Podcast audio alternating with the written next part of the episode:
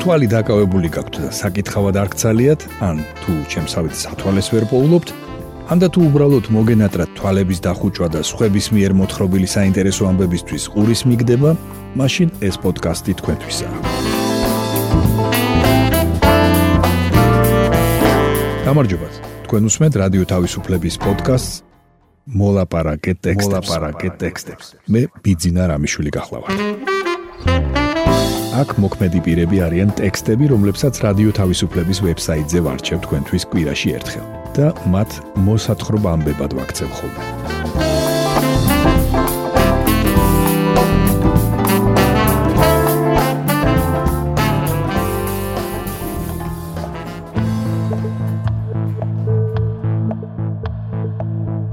დღეს გესაუბრებით იმაზე თუ რა პერსპექტივა აქვს ბავშვების აცრას COVID-19-ის წინააღმდეგ. მოგითხრობთ ისრაელის საჰაერო თავდასხმის სისტემა რკინის გუმბათზე და ვნახავთ საიდან შეიძლება მომდინარეობდეს სახელწოდება მტკვარი.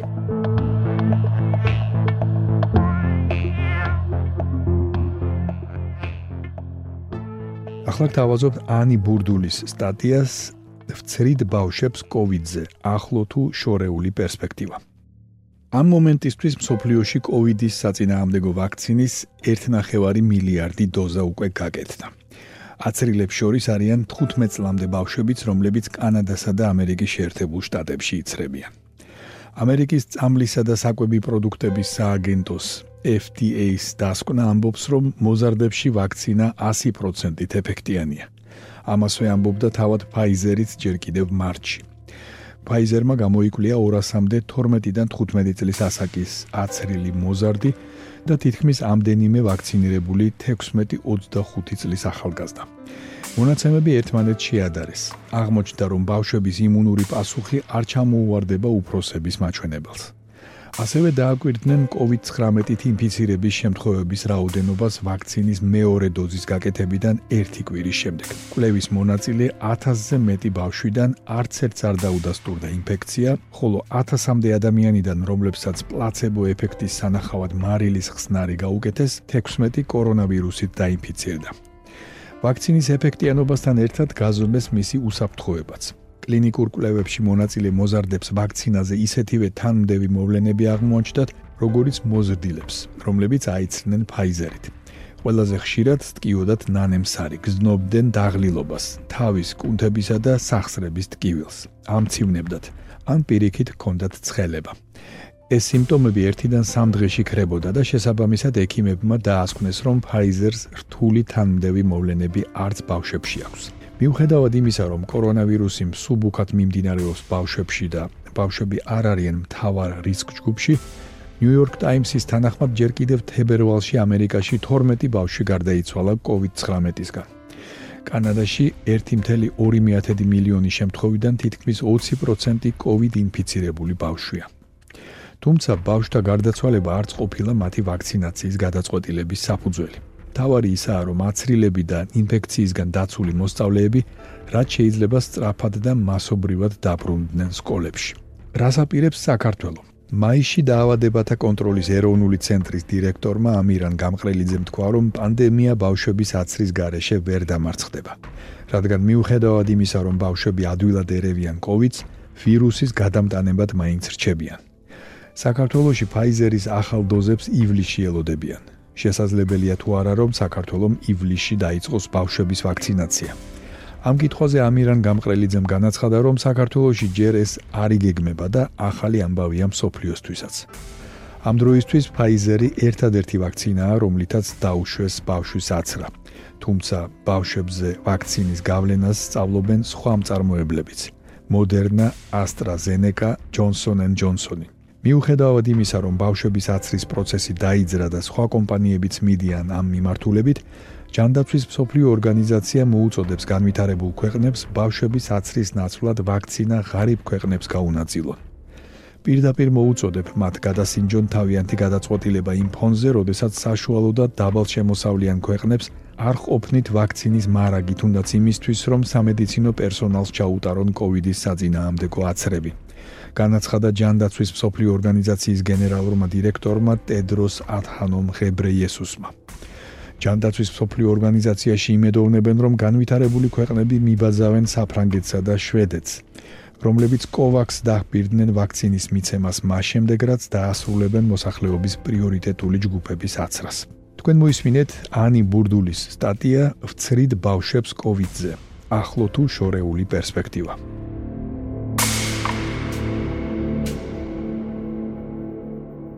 თქვენ უსმენთ პოდკასტს მოლაპარაკე ტექსტებს.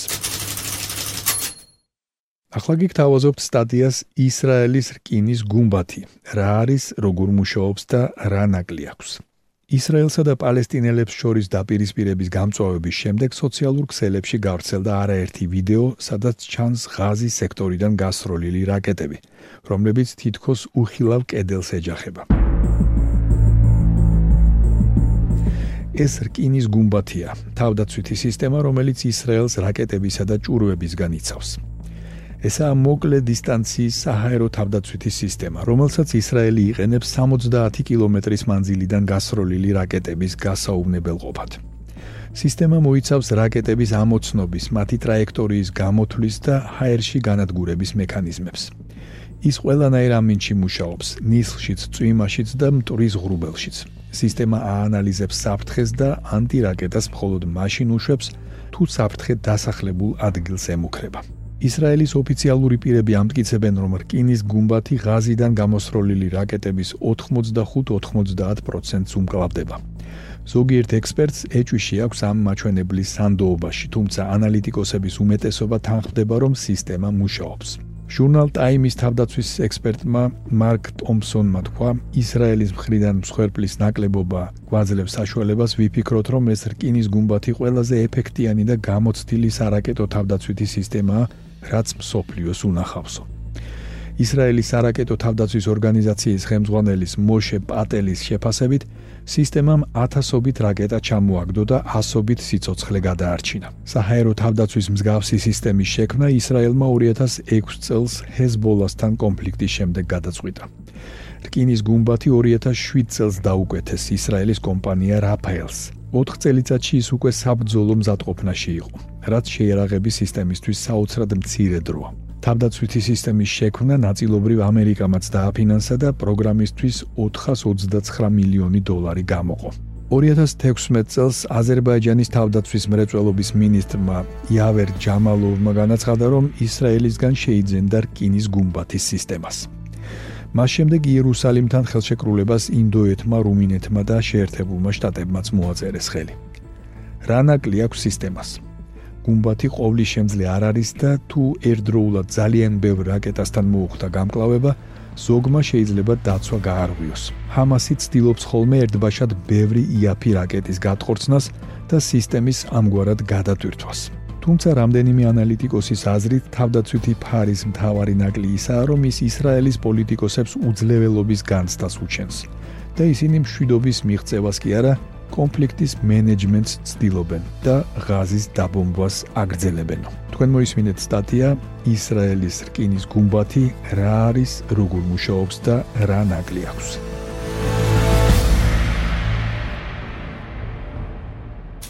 თქვენ უსმენთ პოდკასტს მოლაპარაკე ტექსტებს. მოისმინეთ ჯიმ შერეხვიაშვილის სტატია საიდან მტკვარი. მტკვარი საქართველოს მთავარი მდინარეა. მტკვარი ქართველთა ემბაზი და იორდანია. მტკვარი თბილისის პირველი ხუროთმოძღვარი და მისი არსებობის საფუძველია. მტკვარი ყველგანაა, ყოფაში თუ კულტურაში, ქალაქურ ფოლკლორში თუ პოეზიაში, მუსიკაში თუ ფილმებში, ფოტოებში თუ ნახატებში. მაგრამ საიდან გაჩნდა თვითონ სიტყვა მტკვარი? როგორია მტკვრის ეტიმოლოგიური ძირი? საქართველოში მტკვარი იგივეა მდინარეებში, რაც თბილისი ქალაქებში. დემნა შენგელაიას დაგვირვებით როგორც ძველი რომაელი თავის რომს, ასევე ქართველი კაციც თავის თბილის ქალაქს უწოდებდა. ქალაქში მივდივარო რომ მითხვის, უნდა იცოდე თბილისში მიდის, რადგან ეს ქალაქი მეტია თავისი აზრითა და მნიშვნელობით, ვიდრე სხვა რომელიმე ქართული ქალაქი. ასევე იყო მტკვარიც, ძველად როგორც ქალაქი იყო თბილისის სინონიმი, ასევე წყალი მტკვრისა. ყოველ შემთხვევაში სწორედ ამ ნიშნულობით ახსენებს ქართლის ცხოვრების ავტორი ლეონტი მროველი წყალს. მტკვარი დიდი წყლიანი მდინარე. ასეთ განმარტებას ვკითხულობთ თედო სახოკიას ქართულ ხატოვან სიტყვა თქმანშიც, სადაც მოტანილია ფრაგმენტი ავქსენტი ცაგარლის პიესიდან. ერთმა არტისტმა ქალმა აიჩემა და წამდა უწუ მიძახდა: "ქა, გენაცვალეთ, ეს რამოდენა მტკვარი ყოფილა აქაო." თედო სახოკია აქვე შენიშნავს, რომ იმერეთში, კერძოდ სოფელ დიდ ჯიხაიში შემორჩენილა სიტყვა მომტკვარვა. რაიცა ნიშნავს ბლომად აუარება წყლის დაქცევას, დაღვრას. ერთ-ერთი ვერსიით მტკვრის სახელი უნდა მოდიოდეს თქორიდან, რაც სულხან საბა ორბელიანის ლექსიკონის მიხედვით მეტად წვრილი წვიმაა. ავტორი მტკვარზე დაწერილი ციგნისა მტკვარი საქართველოს დედა მდინარე ვალერიან ზუხბაია შენიშნავს, რომ სამეგრელოს ტერიტორიაზე მიედინება უხწყლიანი მდინარე სახელად თიქორი. მაგრამ ქართულ ენაში ასევე არსებობს ასეთი სიტყვა მტკვეფრობა, რომელსაც იგივე სულხან საბა ასე განმარტავს. მტკვეფრობა არს მრავალთაგან მიხვევა. ჯიბოლომაშვილი ასევე ახსენებს სვანურ სიტყვა მტყვარს, რომელიც მღრიეს, ამღრეულს ნიშნავს. მტკვრის ეტიმოლოგიურ ძირს ეძებენ ჭანურშიც, სადაც ზმნა, ტკვარ, ტკვალ ითარგმნება როგორც დენა. ვალერიან ზუხბაიას თქმით აკადემიკოსმა სერგი ჯიქიამ არ გამორიცხა, რომ სახელწოდება მტკვარი მომდინარეობდეს კოლხურ მეგრული სიტყვიდან ტკვარუა, რაც მტვრევას ნიშნავს. ცალკე მსჯელობის საგანია მტკვრის გადატანა უცხოენებში. როგორ მოხდა ისე რომ საკუთარი სახელი მტკვარი უცხოენებში გადავიდა არა ტრანსლიტერირებული, არამედ ტრადიციული უცხოენოვანი ფორმებით. ფრანგი მოგზაური ჟან შარდენი ჯერ კიდევ მე-17 საუკუნეში ამბობდა მტკვარზე, გეოგრაფები კირსა და კორუსს უწოდებენო. რუსულადაც მტკვარი კურა და არა მტკვარი. რატომ? ამ კითხვის პასუხად საქართველოს მეცნიერებათა აკადემიის ვახუშტის სახელობის გეოგრაფიის ინსტიტუტის უფროსმა მეცნიერ თანამშრომელმა გეოგრაფიის მეცნიერებათა კანდიდატმა ვ გვახარიამ 1963 წლის 27 დეკემბრის გაზეთ თბილისში გამოაქვეყნა წერილი სათაურით რატომ ეწოდება მტკვარს რუსულად კურა. ქართველი მეცნიერი წერდა მტკვარს საქართველოს მთავარ მდინარეს სახელი ქართველებმა დაარქვეს, მაგრამ ისე მოხდა, რომ მისი ქართული სახელწოდება არ გავრცელდა და მსოფლიოს ყველა ენაზე, მათ შორის რუსულადაც, ამ დინარეს კურას ან კურს უწოდებენ.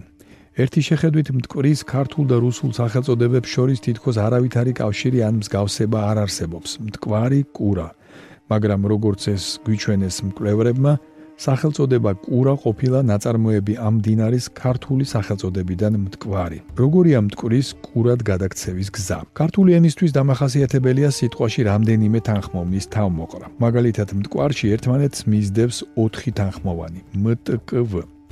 სხვა ენები, რომლებიც ძველად გარს ერტყნენ ქართულს, ვერ იტანდნენ თანხმოვანთა ასეთ თავმოყრას. და მათ შორის ჩართავდნენ ხმოვანს, ან რომელსამე თანხმოვანს უკვაგდებდნენ ხოლმე. ჩვენ შემთხვევაში სიტყვა მტკვარმა ბერძნულ და თურქულ ენებში გადასვლისას დაკარგა ორი თანხმოვანი მტ და მიიღო სახე კვარი.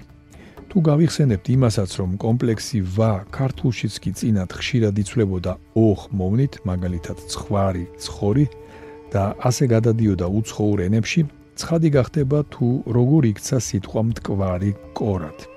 მტკვარი, მტკორი, კორი. ძველი ბერძნები მტკვარს კორს უწოდებდნენ. დროთა განმავლობაში სახელწოდება კორიც გადასხვაფერდა და იქცა კურად. რუსულ ენაში მტკვრის სახელწოდება შევიდა ბერძნულიდან და ამიტომაც მას რუსულად კურას უწოდებენ. წერს გვახარია. მოკლედ ჯერ იყო მდინარე, შემდეგ ბუნდოვანი პერიოდი მტკრობამდე და შემდეგ ყველა სხვა სახელი: კურა, კირი, ქურ, კორი, კიროსი და ასე შემდეგ. ეს გახდათ ჯიმშე რეხვიაშვილის სტატია საიდან მტკვარი.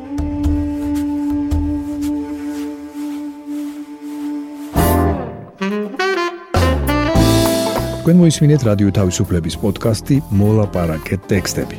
მე კვირაში ერთხელ ვარჩევ რადიო თავისუფლების ვებსაიტზე გამოქვეყნებულ ტექსტებს და მათ მოსათხრობამდე ვაქცევ ხოლმე. ჩვენი პოდკასტი შეგიძლიათ გამოიწეროთ, ჩამოტვირთოთ ან მოისმინოთ პირდაპირ რადიო თავისუფლების ვებსაიტზე. მისი მისამართია თავისუფლება.ge. თუ ჩემი მიერ მოთხრობილი ტექსტები სრული სახით დაგაინტერესებთ, მათი მოძებნა იულია. ვებსაიტზე, პოდკასტის გვერდზე იპოვით ყოველ ცალკეულ პროგრამაში მოთხრობილი ტექსტების ბმულებს. მე ბიძინა რამიშვილი ვარ. მომავალ შეხვედრამდე.